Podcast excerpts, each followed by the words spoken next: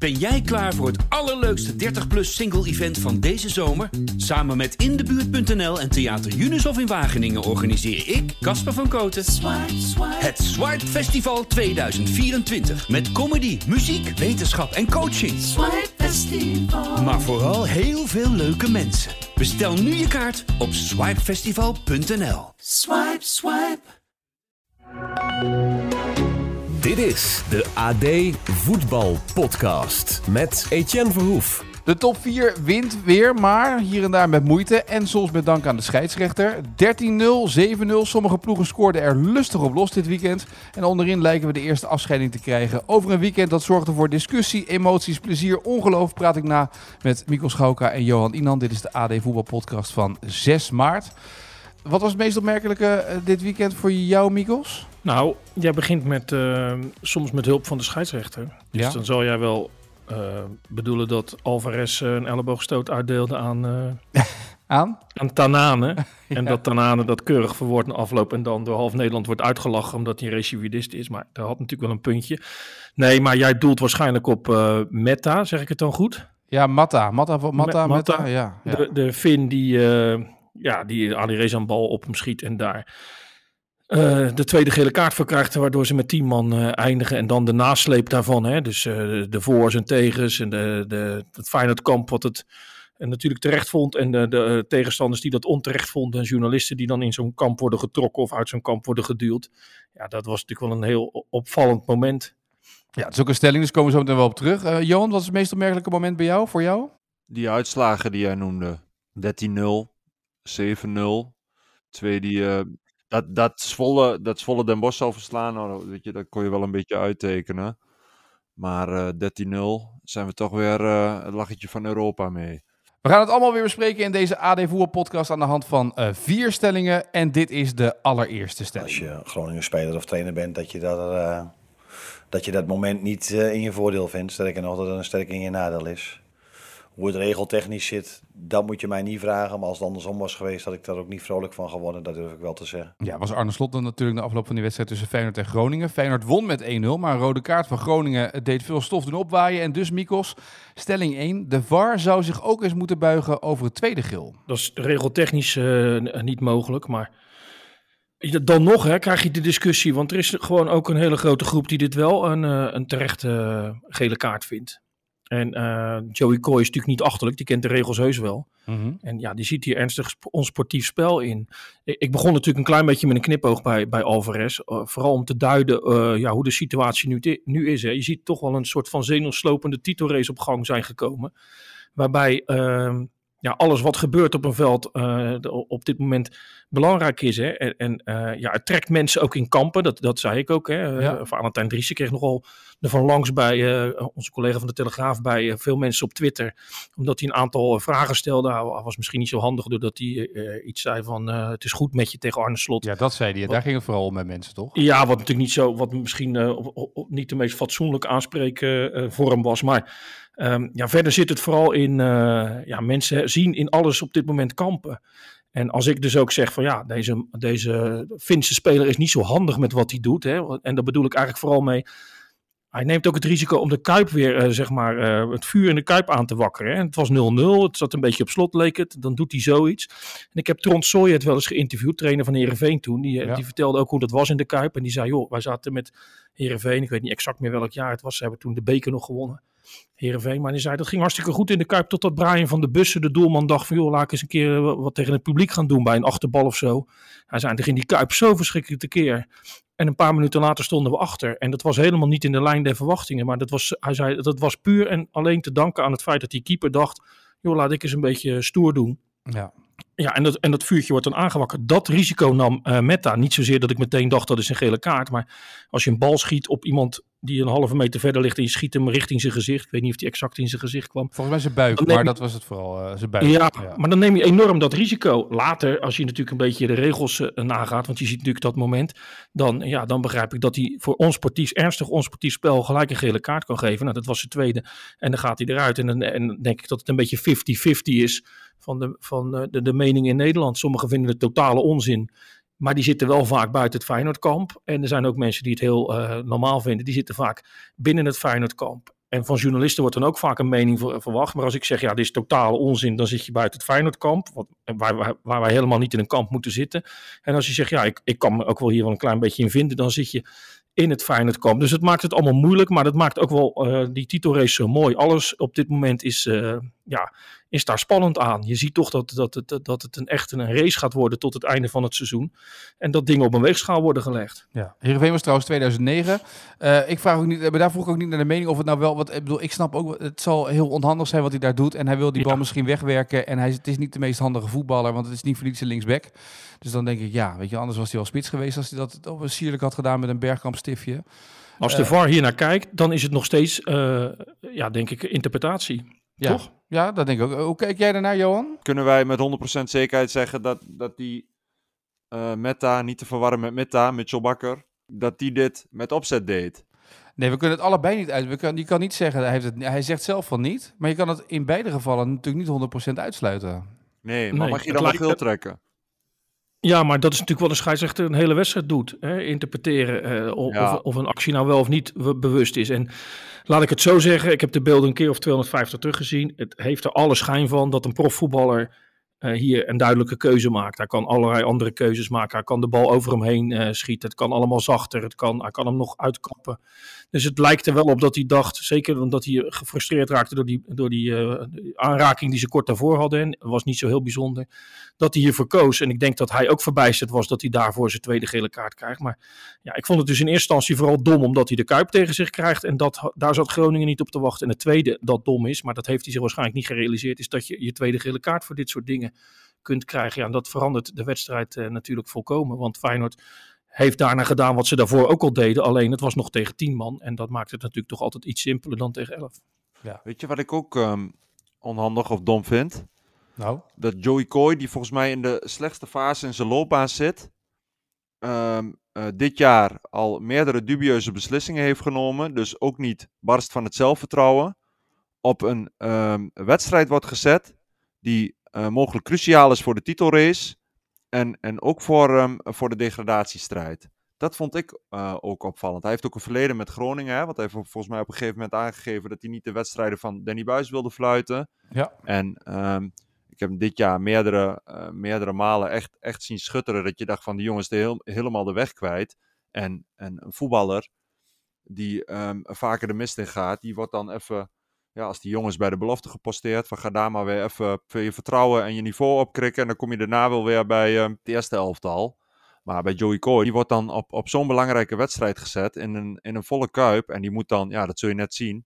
Dan ontstaat er um, zo'n moment en die moet dan hals over kop een beslissing nemen. En dat doet hij ook meteen. En daarbij kun je ook niet uitsluiten dat hij um, um, zich enigszins geïntimideerd voelt door, uh, door het publiek. Ja, dat kan, dat kan natuurlijk. Maar dat is ook interpretatie. Uh, ik denk wel dat, ja, in zij zal dit niet de meest rood omcirkelde wedstrijd zijn geweest, hè, Feyenoord-Groningen. Nee. Ik kan me ook wel voorstellen dat daar niet de allerbeste scheidsrechter op zit. Je hebt wel gelijk over het gevoel van Groningen, omdat Wouter Gudde zat, uh, directeur van Groningen, zat achter de perstribune in een box. Uh, maar toen die rode kaart viel, hing die eigenlijk over die box heen, ongeveer in, op de perstribune om een aantal journalisten te vertellen dat dit, dat dit een schande was en dat, het, dat hij daar nooit een gele kaart voor kon trekken, omdat de bal nog niet eens uit het spel was. Er was ook nog niet gefloten, et cetera, et cetera. Nou ja, dat blijkt dus regeltechnisch gezien, dat weten wij daar op dat moment natuurlijk ook niet allemaal, uh, blijkt dat wel mogelijk te zijn. Maar hij meldde er ook bij dat Kooi geloof ik al acht rode kaarten eerder aan FC Groningen heeft gegeven. Uh, ik heb het niet durven opschrijven omdat ik zo snel niet dat kon achterhalen. Ik vond het wel erg hoog aantal, maar dat Groningen het idee heeft dat Joey Coyce niet uh, uh, goed gezind is, dat was wel duidelijk ja in de Kuip. Ja, daar komt natuurlijk dat hele verhaal bij natuurlijk, uh, Johan. Ook dat, dat uh, Slot natuurlijk een, een, paar, een paar weken geleden zich heeft beklaagd over de arbitrage. En dan nu tegen NEC een rode kaart die geseponeerd wordt. Um, van Sandler. Nu dit, uh, dat ze met een, rode kaart uh, twee keer geel uh, in het zadel worden geholpen. Dus dat telt natuurlijk ook allemaal mee nu in deze fase, toch? Het lijkt zijn vruchten wel af te werpen, hè? Het geklaag van, um, van Anne Slot. Ja. Ja, goed. Sinds, het is wel opvallend dat sindsdien heeft hij, um, heeft hij de scheidsrechters niet, niet bepaald tegen gehad.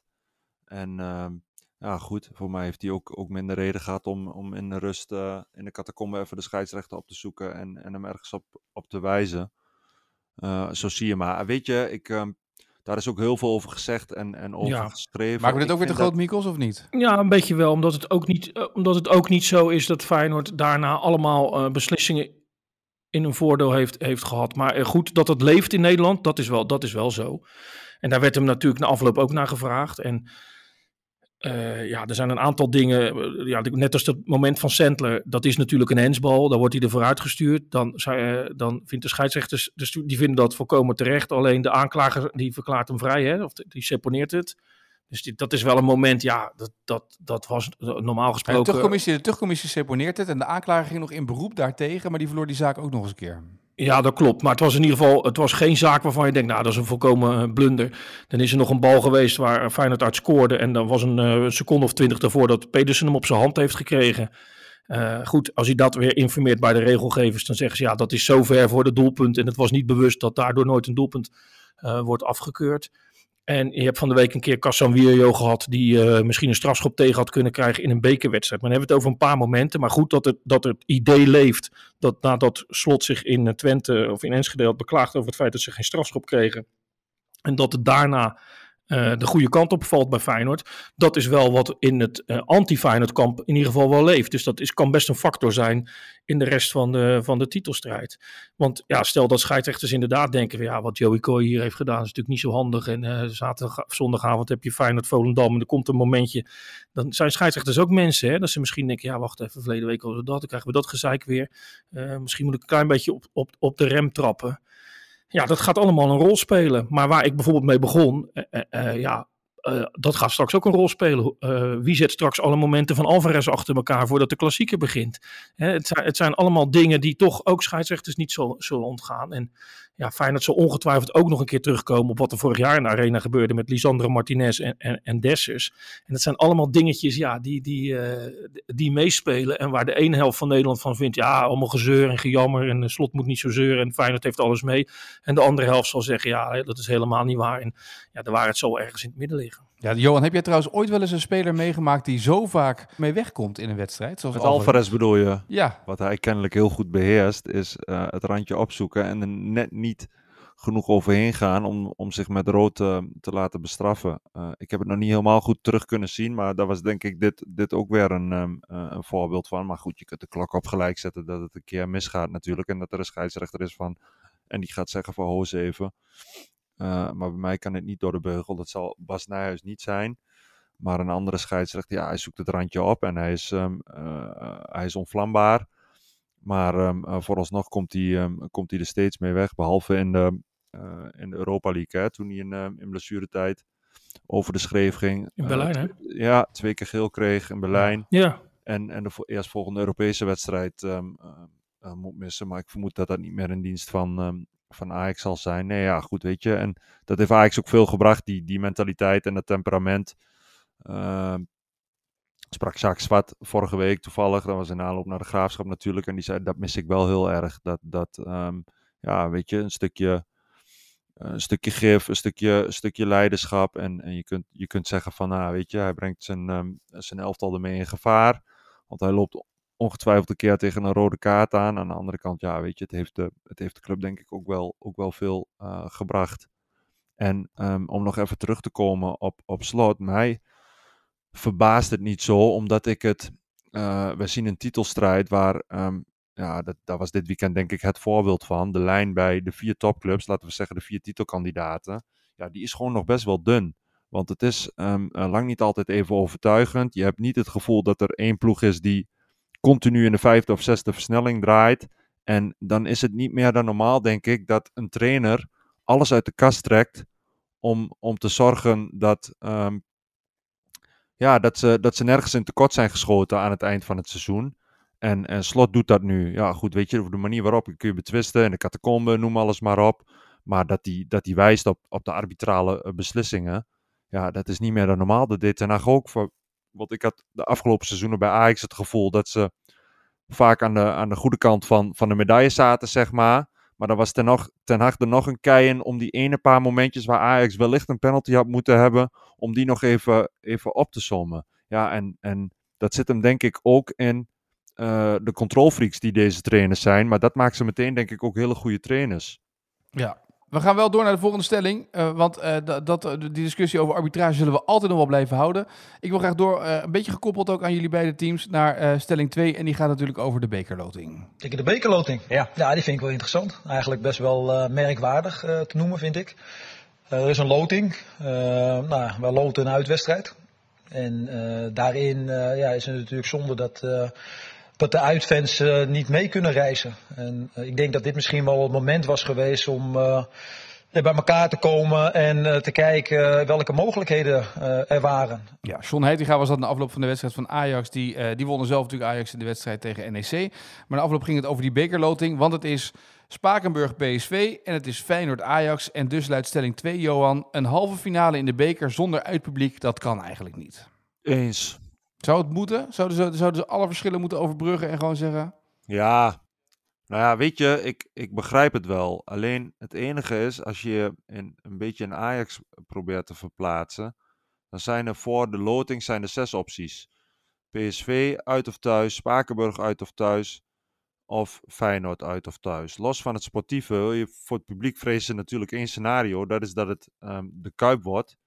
En, en uh, dat de zogeheten driehoek uh, meteen besluit om, om de uitsupporters niet toe te laten. Zoals dat volgens mij de afgelopen acht, negen jaar al het, het geval is. Was in, wat erop... was in Amsterdam hetzelfde geweest, toch? Ja, ja wat, wat rolt er dan um, uh, uit de koken? Feyenoord uit. En um, waar Ajax denk ik, of dat weet ik wel zeker, waar ze vooral ontstemd over zijn, is dat een etmaal later al het besluit wordt genomen om um, om geen uh, uitpubliek toe te laten. En daarvan heeft Ajax zoiets van, ja, weet je, uh, hadden we niet op zijn minst, want het is nog een maandje totdat die halve finale plaatsvindt, hadden we niet op zijn minst even de koppen bij elkaar kunnen steken en te kijken van, is er een manier waarop we voor een halve finale van het bekertoernooi, hè, uh, een wedstrijd waarin de finale plek um, op het spel staat, om te kunnen zorgen dat we, um, dat we toeschouwers vanuit Amsterdam toelaten en of we dat in goede banen kunnen leiden. En dat dat niet is gebeurd, ja, weet je, dat, dat zorgt voor, uh, voor gefronste wenkbrauwen in, in Amsterdam. En um, uh, dat snap ik wel, want er wordt, en dat zie je niet alleen hier hoor, dat zie je, er wordt gewoon voor de weg van de minste weerstand um, gekozen. En vaak is dan het uitpubliek, dat hebben we in Leeuwarden ook gezien, op het moment dat, dat er uh, ongeregeldheden zijn, ja, weet je, dan, dan is de burgemeester, die gaat geen risico's nemen. En die zegt, ja, dan... Um, uh, dan laten we voorlopig geen, uh, geen bezoekende uh, toeschouwers meer toe. Ja, hoe kijk jij naar, Mikos? Want het, wat je zegt, het was in Amsterdam waarschijnlijk ook gebeurd, hè, zei je. Waarschijnlijk was het precies hetzelfde geweest dan. Ja, natuurlijk. Als die wedstrijd in Amsterdam was gespeeld, was, was er ook geen fijne publiek toegelaten. Hoe ik er naar kijk, is, is vrij simpel. Dit is een verhaal voor de bühne, waarin Ajax in ieder geval wil aantonen dat ze het voor de achterban hebben geprobeerd. Maar je kunt toch onmogelijk, na alles wat er de laatste jaren is gezegd en gebeurd tussen deze twee clubs, plotseling zeggen, nou we hebben het nu een paar jaar niet gedaan, maar op een avondwedstrijd ergens in april gaan we het weer doen. Dat, dat, is, toch, dat is toch geen optie. We hebben zelfs voor een leeg stadion gespeeld. Toen moest de bus van Ajax, uh, die moesten met, met plankgas doorrijden, want er zaten Feyenoord-fans achteraan. We hebben allerlei andere mo momenten gehad tussen beide clubs waarin het helemaal niet goed ging. Een van die momenten was ook een jeugdwedstrijd waar Dirk Kuyt trainer was, waar niemand toegelaten ging, kon worden, maar waar John Heitinga, notabene de trainer die dit nu zegt, de, de, mensen van de F-site op de tribune heeft gelaten. En waar uh, de familie en spelers uh, van, van Feyenoord ontzet moesten worden. Ja, daar is gewoon veel te veel gebeurd. Dus in, in de halve finale moest je gewoon geluk hebben. Je moest die thuiswedstrijd spelen. Nou, dat is Feyenoord dan gelukt. En als het Ajax dan is wat uit de keuken rolt, dan heeft hij pech. Er komt geen, er komt geen uitpubliek bij. Andersom was dat precies hetzelfde gebeurd. We kunnen onmogelijk nu in één keer verbaasd zijn dat deze wedstrijd zonder publiek gespeeld wordt. We hebben toch allemaal gezien hoe het de laatste keer ging met, met Steven Berghuis. Dat ze met, een, met een, een anonieme bus naar Rotterdam moeten komen. En dan gaan we nu net doen alsof bij een bekerwedstrijd... dat het, ja, dat het misschien wel het moment daar was om, om met, met publiek te gaan spelen. Ja, daar is het volgens mij echt nog veel te, vroeg, veel te vroeg voor. Dus dat uh, begrijp ik wel. Ik, ik denk wel dat de KVB vooral heel blij is dat dit geen finale is. Want als die finale gespeeld wordt, is het op het neutraal terrein. En dan hebben ze inmiddels in de statuten weer uh, weergegeven hoe noem je dat in de, opgenomen, opgenomen, in de afspraken, dat daar weer publiek bij moet zijn. Dat publiek, dat is een groot probleem, want die kaarten worden verkocht via veel amateurclubs. Hè. Je kunt naar de bekerfinale op de lange zijde, als je via je amateurclubje uh, aan zo'n kaartje kan komen. Nou, dan komt het Ajax en het fijne publiek door elkaar heen te zitten. Dus dat was in de finale helemaal verschrikkelijk geweest om dat te, te moeten organiseren. Dit is vrij simpel. Nou ja, Feyenoord heeft het geluk dat ze thuis loten. Dat had Ajax ook kunnen hebben. Ja, geen uitpubliek. En kijken of dat nu al een klein beetje normaal kan gaan. En als dan die normalisatie eindelijk een, beetje op gang is, maar over een langere periode, dan kun je er weer eens aan denken. Het verbaast mij ook niet hoor, dat er geen publiek um, uh, welkom is. We zijn er bij de vorige edities bij geweest en dan, waren die uh, af en toe in een, in een oorlogsgebied. Dus weet je, daar, daar kan, zoals Mico zegt, daar kan niemand over verbaasd zijn. Um, uh, en Ajax, ja, weet je, die hebben zoiets van, nou, we hadden in ieder geval even, even kunnen proberen om, om met elkaar te overleggen. Nou goed, kennelijk zien ze er in, Rotterdam, zien ze uh, geen enkele mogelijkheid. En, en ja, goed, weet je, dat zie je ook vaak bij clubs. Dan, dan wordt er ook een statement afgegeven en dat is vaak ook wel um, om de supporters te laten zien van, uh, ja, wij gaan hier niet zomaar mee akkoord. En jullie moeten wel weten dat we echt wel aan jullie gedacht hebben en... Um, uh, dan spreek je even je verbazing en je teleurstelling uit om, om vooral aan je supporters uh, te kennen te geven van ook wij zijn niet met jullie eens, we denken aan jullie, je vindt het verschrikkelijk. Tuurlijk, maar, en, dat, en, dat, moet je ja, ook doen, denk ik. Dat, en, dat, ja, en, ik, en, en, ik, snap ook het gevoel, hè, want als je een halve finale speelt in een uitwedstrijd waar geen publiek van je bij is, zo'n belangrijke wedstrijd, ja, dat is natuurlijk een, gewoon een nadeel. Dus dat had Ajax in Amsterdam kunnen hebben als voordeel en nu hebben ze het als nadeel. Dus dat, dat snap ik heel goed. Dat, en zeker dat Heiti gaat het ook nog even noemt. is een populaire jongen bij de achterban van, van Ajax. Ja. En is het altijd goed om dat nog even te noemen. Dat lijkt mij wel. Maar dan nog, Mikos, vraag ik me af. Is het dan, uh, moet je dan een etmaal later al beslissen van uh, er komt geen uitpubliek bij? Of kun je ook zeggen van nou weet je, laten we, laten we even, even de dingen doornemen en kijken of er... Um, ik denk dat het simpel is. Ik denk dat ze voor 99% zeker zijn dat het nog niet kan. En die wedstrijd op 19 maart kan je dan nog afwachten. Maar dat is misschien weer te kort dag op die, wat is het, 4 april dat er gespeeld gaat worden. Maar als je de eerste wedstrijd in Rotterdam zag, je bent erbij geweest. Ja, dat is geen wedstrijd die even fluitend ingaat. Hè. Ik heb ook nog een waterkanon in Duitsland zien staan. Ja, die zet je ook niet neer als er een uh, kermis in, uh, in Epe is of zo. Hè. Dus, er, is, er is van alles aan, aan de hand. Er is een hele muur gebouwd om die bus van, Feyenoord, van Ajax binnen te krijgen. Nou, die wedstrijd straks in Amsterdam, dat zal best wel een... Uh, ook wel een hectische wedstrijd worden. Ja, ga je dat dan afwachten en denk je, ja, het is daar heel goed gegaan. Misschien kunnen we het in de Kuip proberen. Of denk je, ja, hier is het gewoon nog te vroeg voor.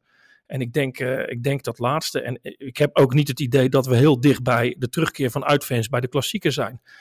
Daar is volgens mij de laatste jaren te veel voor gebeurd. En, en daar heeft die overgang van Berghuis natuurlijk ook nog eens wat extra olie op het vuur gegooid. Dus ja, het is gewoon een lastige zaak. En ik denk dat, uh, dat ze gewoon van tevoren al hadden gezegd: als Ajax op bezoek komt in Rotterdam of andersom, dan, uh, dan doen we het niet. De clubs hebben daar trouwens niet zoveel over te zeggen. Hè. Dat is de driehoek en, en uh, Abu Talib, vooral de burgemeester in Rotterdam, die dan meteen een knoop doorhakt. Zelfs als Feyenoord had gezegd: van ja, wij willen het heel graag, 2000 fans van, van Ajax of 1500 fans dan zijn ze nog afhankelijk van wat Abu Talib... Ik denk overigens wel, Johan, dat ze wel dolgelukkig zijn dat het een halve finale is en niet de finale. Wat Mikos net al omschreef. Dat probleem is natuurlijk veel groter in de finale dan in de halve finale nog.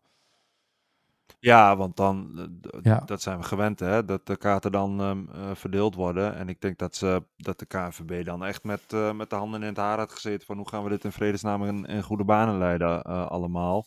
Want dan, dan kun je helemaal moeilijk verkopen bij een eindstrijd dat je ja, dat je uh, de aanhang van, van een van de finalisten uh, niet toelaat. Dus, nee, dat, dat, kan, dat kan natuurlijk sowieso niet. En het is neutraal hè, dan die wedstrijd. Maar dan gaat, het probleem is dan dat alles door elkaar komt te zitten. Ja, dat is volgens mij in deze fase, dat is echt veel te link. Dus uh, ja, je hebt het vorig seizoen zelfs gezien, hè, dat het bij PSV misging met mensen op de verkeerde vakken. Ja. En, en dat er gevochten wordt. En dat was tegen Ajax natuurlijk. Maar, maar dit gezegd hebbende, denk je wel, nou alles wat we dit seizoen gezien hebben van um, uh, een supporter op het veld bij PSV tegen Sevilla. We hebben apengeluiden gezien. We hebben een nette in de Kuip uh, zien staan. We hebben, um, ik, ik geloof al een handvol wedstrijden is gestaakt vanwege ongeregeldheden uh, op de tribunes. En, en je vraagt je wel af van, is de KNVB überhaupt met iets bezig? Zijn ze, zijn ze bezig met een, een soort sportwet of wat dan ook? Want het loopt de spuigaten uit. Uh, het lijstje met, met stakingen uh, is, is oneindig. Volendam-Emmen, ja. Johan. Je verwacht het toch niet? Ik zie beelden van Volendam-Emmen. Ze staan in een soort achtertuin. Staan ze met fietsen te gooien. Fietsen kan allemaal. En, en um, ik, ik reed vandaag terug uit Am Amsterdam. Uh, ik hoorde ze op de radio erover over praten ook. Ik heb, uh, daarvoor heb ik de beelden voorbij zien komen. En ja, weet je, er, is, er gaat geen weekend voorbij dat er niet iets gebeurt. En uh, degene die het allemaal uh, moet regelen, zwijgt in alle toonaarden. De, de KNVB. En, en je vraagt je af, komt, komt er nog wel een moment dat, dat we met z'n allen gaan zeggen van oké, tot hier en niet verder. En nu gaan we keihard optreden. Want op deze manier wordt het voetbal helemaal verziekt en, um, en is er gereed meer aan. Politiek moet daar een, een rol in spelen. En met de meldplicht, kijk in Engeland en en dan valt het op te lossen. Heeft de Boerenburgerpartij uh, daar ook een standpunt over, over supportersgeweld en meld of niet? Ik, ik vreeg het niet. Ik weet niet wat... wat, wat uh, dat is de, een van de grootste partijen zometeen na die uh, provinciale verkiezingen. Vast wel. Waar zouden die ehm, voor zijn? Ik denk, nou, ik denk dat die uh, zeggen allemaal op het uh, veld hier en uh, laat ze daar maar uitzoeken. Wat denk jij? of, of gewoon een bekerfinale in Saudi-Arabië, jongens. Dan ben je overal vanaf. Chris Woert zei Cairo, geloof ik, hè? ja, ja, Chris Woert. Ja, dat ja. maakt niet uit. Chris Woert verkoopt het wel aan een land als het moet natuurlijk, hè? Nou ja, voor die grote competities is dat wel te doen, hè? Als Juventus en AS Roma ergens anders laat spelen, zit het vol. Maar ja, een Nederlandse bekerfinale tussen PSV en Ajax en PSV en Feyenoord, zou dat in een, in een ander land zou dat uitverkocht raken? Ik denk nee, natuurlijk niet, maar dat maakt er niet uit. Gaat kijk dan wat we met elkaar over speculeren. Een bekerfinale in het uh, buitenland. Um, verschillende uh, clubs of steden die geen uittoeschouwers toelaten. Moet nog even zo doorgaan. En je kunt um, stadions zijn voor de helft gevuld. De uitvakken kun je opdoeken. Um, er is echt gereed meer aan, zo vind ik. ja, een uitvak opdoeken is op zich in sommige stadions wel op zich een verbetering, omdat die toch op instorten staan. Dus dat is misschien wel beter ook natuurlijk. Dat is de andere kant. Een heel goed, dat we hopen... dit voor jou. Oh, sorry, mag het niet? Mag, mag geen geintjes erin gooien? Mag dat weer niet? Zeker om het een beetje luchtig te houden? Nee, dan uh, ga ik gewoon door naar de volgende stelling, hoor. Want het is bloedserieus, jongens. Ja, ik denk uh, dieptepunt uit mijn uh, voetbalcarrière, zowel als speler als, als trainer. Ik heb net gezegd tegen de spelers dat ik als pupil ook nog nooit meegemaakt heb. Dus deze avond die zal lang bijblijven, ja. Jack de Gier bij ESPN na afloop van die wedstrijd van eh, Den Bosch tegen Pek Zwolle. En dus luidt de volgende stelling, Mikos. De trainer van Den Bosch kan maar één ding doen vandaag. Een filmpje inspreken op Instagram voor alle fans. Ja, gescript. Ja, ja gescript, ja. Ja, ja Jack de Gier, die, uh, die was ooit bijna gepromoveerd met Almere City. Hè? Dan leek hij ja. de, de kroonprins. Ja, ik weet niet wat... Ik, ik weet niet of hem dit aan te rekenen is in die zin. En het is een veel te hoge uitslag natuurlijk, maar ik, ik kan me wel voorstellen dat deze ploegen uh, ja, af en toe niet eens meer betaald voetbalwaardig zijn. Hè? Dat zeiden die spelers zelf ook. Hebben ze een paar blessures. En Pexel is een aardige ploeg, kunnen goed aanvallen. Als de scores hoog oplopen in het begin van de wedstrijd. Ja, dan kun je dit wel eens krijgen, maar ja. Nou, maar dit, nee, de 13-0 kan je niet krijgen, toch? Dit kan niet. Nou ja, je hebt het gezien. VVV heeft er ook een keer 13 gehad van Ajax. Ja. PSV heeft er een keer 10 gemaakt. Ja, het, het, komt wel eens voor, maar, maar ik denk dat we ons vergissen in, uh, in het niveau van de onderste kant van de, van de keukenkampioen-divisie. Als daar een paar blessures zijn, ja, dan, dan zijn ploegen als Spakenburg die al van Utrecht winnen en zo, die zijn vele malen beter. Dus dan kom, dan kom je echt op heel matig niveau hoor. Ik vind, ik vind 13-0, dat mag geen enkele club in, uh, geen enkele profclub in Nederland uh, overkomen. En dan snap ik wel dat die met hele geringe budgetten werken en dat het niet te vergelijken is met bijvoorbeeld de tweede Bundesliga of wat dan ook. Maar ja, als je, ook als je het hebt over weerbaarheid en dat soort dingen. Dit was gewoon, uh, heb je de beelden gezien? Als ik naar die keeper kijk, dan denk ik van, ik kon beter op doel, ik kon beter op doel gaan staan. Ja, dat snap ik ook wel. Dat het natuurlijk een, een schande is en dat, dat mensen zich kunnen schamen en zo. Maar je ziet toch dat de realiteit is dat er eens in de zoveel tijd dit soort uitslagen bijkomen. Sterker nog, Erik ten Hag, we struikelden over de kranten waarin die werd opgehemeld. Gaat met 7-0 onderuit bij Liverpool. En het is niet het Liverpool van de afgelopen jaren. Soms stort een elftal gewoon in, valt het uit elkaar. En als dat al de grote profs van Manchester United gebeurt, met de grote namen erin, ja, kun je dan bij FC Den Bosch zeggen uh, dat, dat, het, dat, het, dat het daar niet kan. Het is een wanprestatie, het mag niet voorkomen, maar dit zijn ook gewoon jongens, als je uh, de helft van die ploeg, als je die bij Excelsior Sluis of bij Tech Tiel of HC Hardenberg neerzet, dan zitten er waarschijnlijk heel veel van op de bank. In, op dat niveau. Het is, gewoon, het is gewoon niks maar, bijzonders. Maar instorten tegen uh, Liverpool met een uh, eh, 7-0 vernedering, notabene tegen de aartsrivaal, dat vind ik nog anders dan 13-0. Maar um, ja, die hebben wel betere spelers. Hè? Die zouden ook naar 3-0 kunnen zeggen of naar 4-0. Nu de rem erop, jongens. Het is, het is ja. ja. maar de spelers van Pek Zwolle zijn dan ook weer ver... Die zijn misschien iets beter dan de spelers van Den Bosch. Maar 13-0 kan toch niet, jongens? Dat mag nou ja, ik sta hier ook niet uh, te, te, pleiten dat, er af, dat we elke week een 13-0 erbij moeten hebben. Maar eens in de zoveel tijd komt dat gewoon voor. En dan mag je die spelers echt wel over aanpakken. Maar uh, ja, ik denk dat die 7-0 eigenlijk net zo slecht is als, dat, als die 13-0 van, uh, van Den Bosch. Ja, dat kan. Alleen ja, blijven dubbele cijfers, 13-0, tweede keer in een paar jaar in Nederland. Je zet jezelf hier zo mee te kakken in, in Europa, want waar ik het net al over had, de weerbaarheid, hoe, hoe kan dit, weet je wel? En wat zegt dit over ehm, eh, zegt het ook iets over de voetbalopleiding en ehm, het mentale aspect daarin in, in Nederland. Daar ga ik dan over nadenken, want dit, dit ga je in Duitsland in 50 jaar never nooit niet zien. Geloof ik niet.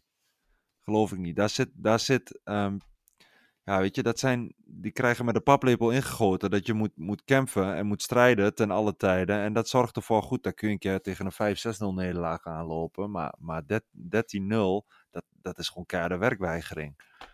Ja, ik vraag me dan wel af, wat doet Jack de Gier dan de dag daarna? Dan heb je vaak uitlooptraining. Maar wat ga je dan nog Nou ja, ja, Jack gaat al weg, begreep ik. Ja, wat moet je doen? Ja, ja uh, het zijn natuurlijk niet de leukste weken voor die spelers niet en voor die trainer niet. aan de andere kant, ja. Uh, het is ook FC Den Bosch. Het niveau van FC Den Bosch is de laatste jaren niet bepaald hoog geweest. Ja, het is niet het is een beetje een moeilijk onderwerp, want ja, ik, ik, kan wel tien keer zeggen dat, dat het wel eens een keer voorkomt en dat het niet uh, mag, of oh, mag gebeuren. Je hebt, maar... je hebt die 10-0 ook meegemaakt, hè, Mikos? Van, ja, maar die 10-0 bijvoorbeeld, daar speelden best grote spelers hè, bij Feyenoord. En, en, ja. en ja, daar waren gewoon spelers die later een WK hebben gespeeld, WK, WK halve finale, die bij 5-0 dachten we gaan eens naar voren om te kijken of we een goal kunnen maken.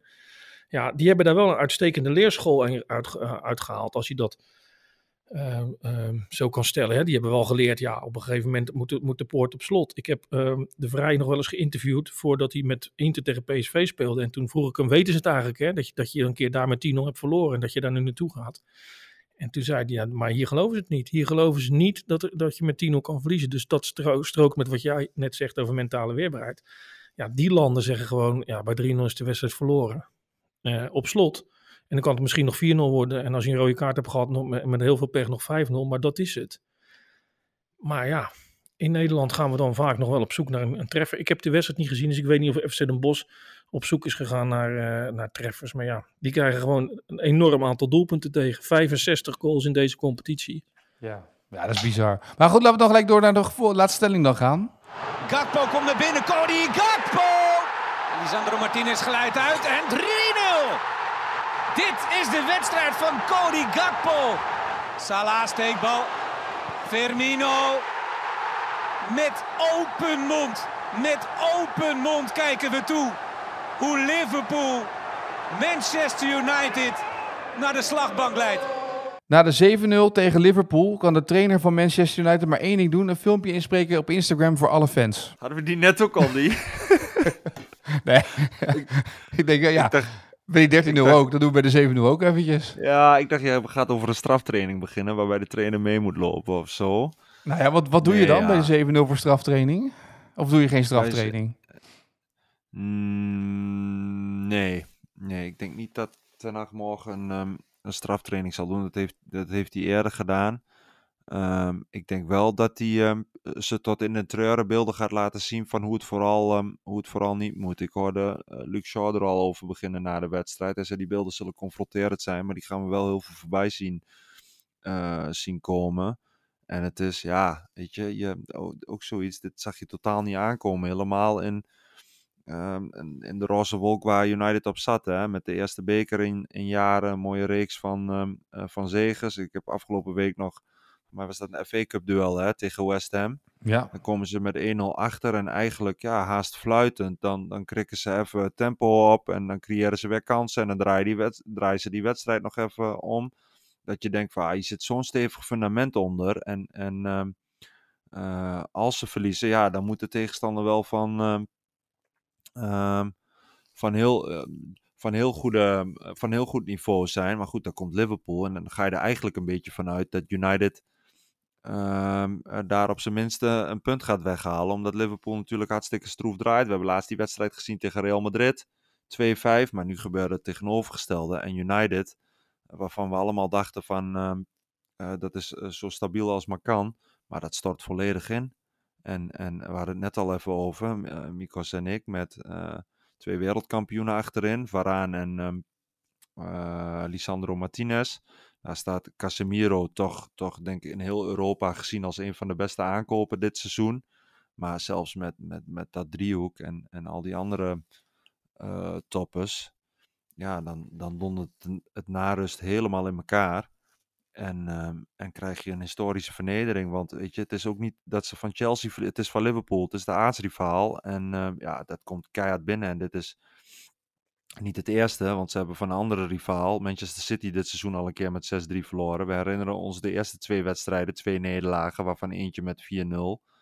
Het zit er toch wel, ondanks dat United aan de betere hand is zitten er toch wel een paar flinke littekens op, ehm, op het eerste seizoen van, van Erik ten Hag. En hij heeft denk ik, ja, ik weet niet of je het geluk kan noemen. Als hij verliest, verliest hij dik. En hij wint heel vaak. En er zitten ook heel vaak minimale zegens bij. Waardoor, ja, weet je, dan kun je beter. Je kunt beter vier keer met 5-0 verliezen, bij wijze van, dan, dan tien keer met 1-0. Dat is een beetje wat, wat United nu um,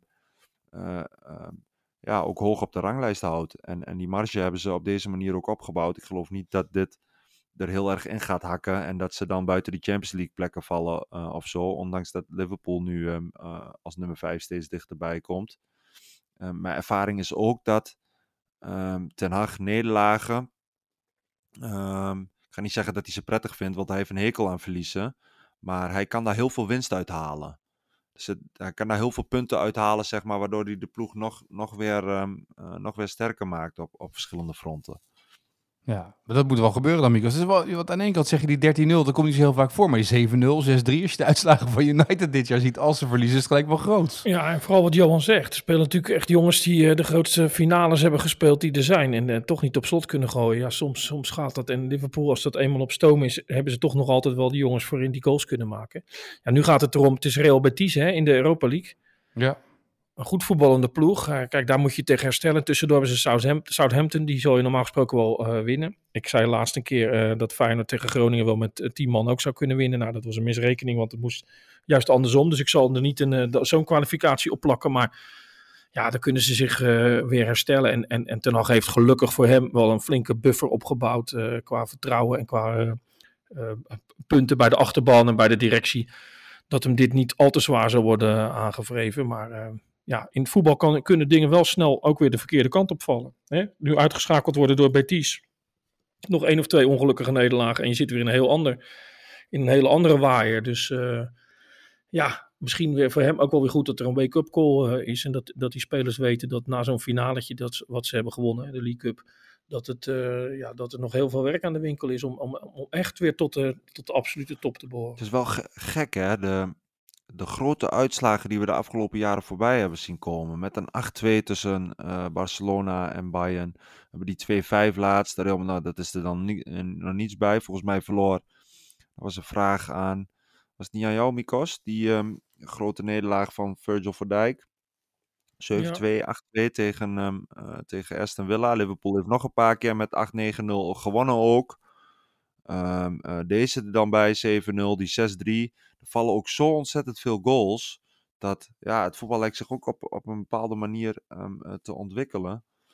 Um, uh, waarbij, ja, misschien is het wel dat, dat ploegen uh, minder snel um, de schade proberen te beperken. Maar toch, toch, uh, toch gaan voor, voor hun eigen doelpunten. En, en daardoor nog, nog een handvol goals moeten slikken. Het is wel heel wat mij vooral opvalt is, is, is, ze hebben zo'n druk schema. Dus je zou ook kunnen denken bij 3-0 is de buit binnen. Hè, we gaan een beetje doorwisselen. Uh, de, de, de, ploeg die achter staat drinkt niet meer zoveel aan. Die vindt die nederlaag dan, uh, hoeft niet verder op te lopen. De ploeg die voor staat vindt het wel genoeg. Maar daar is dus uh, geen sprake van. Dus als ze een, een, concurrent op de pijnbank kunnen leggen, dan gaan ze toch gewoon door. Want je ziet Salah nog ergens bij, ik geloof dat het de zesde was of zo, zijn shirt uittrekken. Ja. ja. En, en dolblij zijn. En ja, dan pak je dan weer een Ja, dat had ook, had ook met, met, ze, met het record te maken. Hè? Ja. En, maar wat jij zegt, wat volgens mij spelen ze komende week ook weer tegen, um, tegen Real Madrid. Zou kunnen zeggen bij 3-0, 4-0, nu even wat, wat gas terugnemen, krachten sparen voor, uh, voor die Champions League uh, kraker. Het zit hem er denk ik ook in dat er dan spelers aan bod komen die nog van alles te bewijzen hebben. Met een Firmino, die natuurlijk um, steeds minder aan bod is gekomen daar, nog even de kans krijgt en, en zijn doelpuntje mee wil pikken. Zit, dat zit hem denk ik ook in, uh, in de brede selecties. Dat als de buiten al binnen is, dat er nog spelers worden ingebracht die nog van alles te bewijzen hebben. En daarmee ja, de tegenstander nog verder op de slagbank leggen. Maar positief, want we hebben nu over Ten Hag en United. Maar positief, Gakpo bewijst zich in een grote wedstrijd bij Liverpool. Dat is ook wel prettig voor Koeman op weg naar uh, die kwalificatiewedstrijden en de EK. Zeker, en ook uh, Memphis, Memphis scoorde erop los. ja. Twee doelpunten, ja. ja. Maar Virgil van Dijk was natuurlijk, ja, dit was nou niet de, de zwaarste wedstrijd waarschijnlijk voor hem. Maar we, ja, dus we, staan, we staan er weer iets beter op dan, uh, dan recent. En zeker die jongens voorin, dat is natuurlijk belangrijk. Kijk, tegen Gibraltar zal het allemaal wel lukken. Maar Weghorst heeft natuurlijk ook een andere status gekregen. Dus uh, ja, die zal ook misschien op wat meer rekenen dan voorheen bij het, bij het Nederlands elftal. Maar vooral die wedstrijd tegen die Fransen. Ja, dat is, moeten we natuurlijk wel echt, uh, echt hebben van de jongens die ons kunnen dragen. En, en dan zit je toch met Memphis en, en, en inmiddels ook met Gakpo zitten ze nu weer in een goede vibe, dus dat is goed. goed. Hebben we alles een beetje besproken van dit weekend? Moeten we nog wat dingen doornemen? Nee, volgens mij niet. Nee, nee? Volgens, mij, uh, volgens mij ook niet. Nou, dan hebben we nog één ding wat we echt even moeten doornemen. De vraag van vandaag. Ja, de vraag van vandaag uh, die moeten jullie nog even uh, natuurlijk beantwoorden. Dat is de vraag die afgelopen week uh, door Sjoerd werd gesteld in de podcast afgelopen vrijdag. En dit is de vraag voor jullie. Ja, we blijven even in bekersprookjesland. Er was namelijk in Engeland ook een grote stunt. Daar werd Southampton uitges uitgeschakeld door uh, het, prachtige Grimsby Town. Wat overigens een, een aanrader is om een keer naartoe te gaan. Grimsby Town, een stadion dat vlak bij de zee ligt. Uh, maar dat terzijde. Um, daar heeft een, Nederlander gespeeld bij Grims Grimsby Town. Um, en die heeft tevens gespeeld bij Ajax, Vitesse en FC Den Bosch. En vervolgens ging hij naar Grimsby. Over welke speler hebben we het hier? Enig idee, Mikos, Johan? Ja, ik, ik... Nou, was het Clyde Weinhardt niet? Maar die heeft niet... Nee? Ik zou het Goh. echt niet weten. Welke jaren, Etienne? Kun je een hint geven? Nou, ik denk, het is een lastige. Ik, zal, ik ben hem ook, ook gaan, op gaan opzoeken nog. Um, het is namelijk uh, een verdediger. Menno Willems? Juist, Menno Willems. Dat was hem, ja. Ja. Inmiddels uh, 45 ja. jaar en... Uh, speelde daar in die periode. Speelde van 2000 tot uh, 2000, wat is het?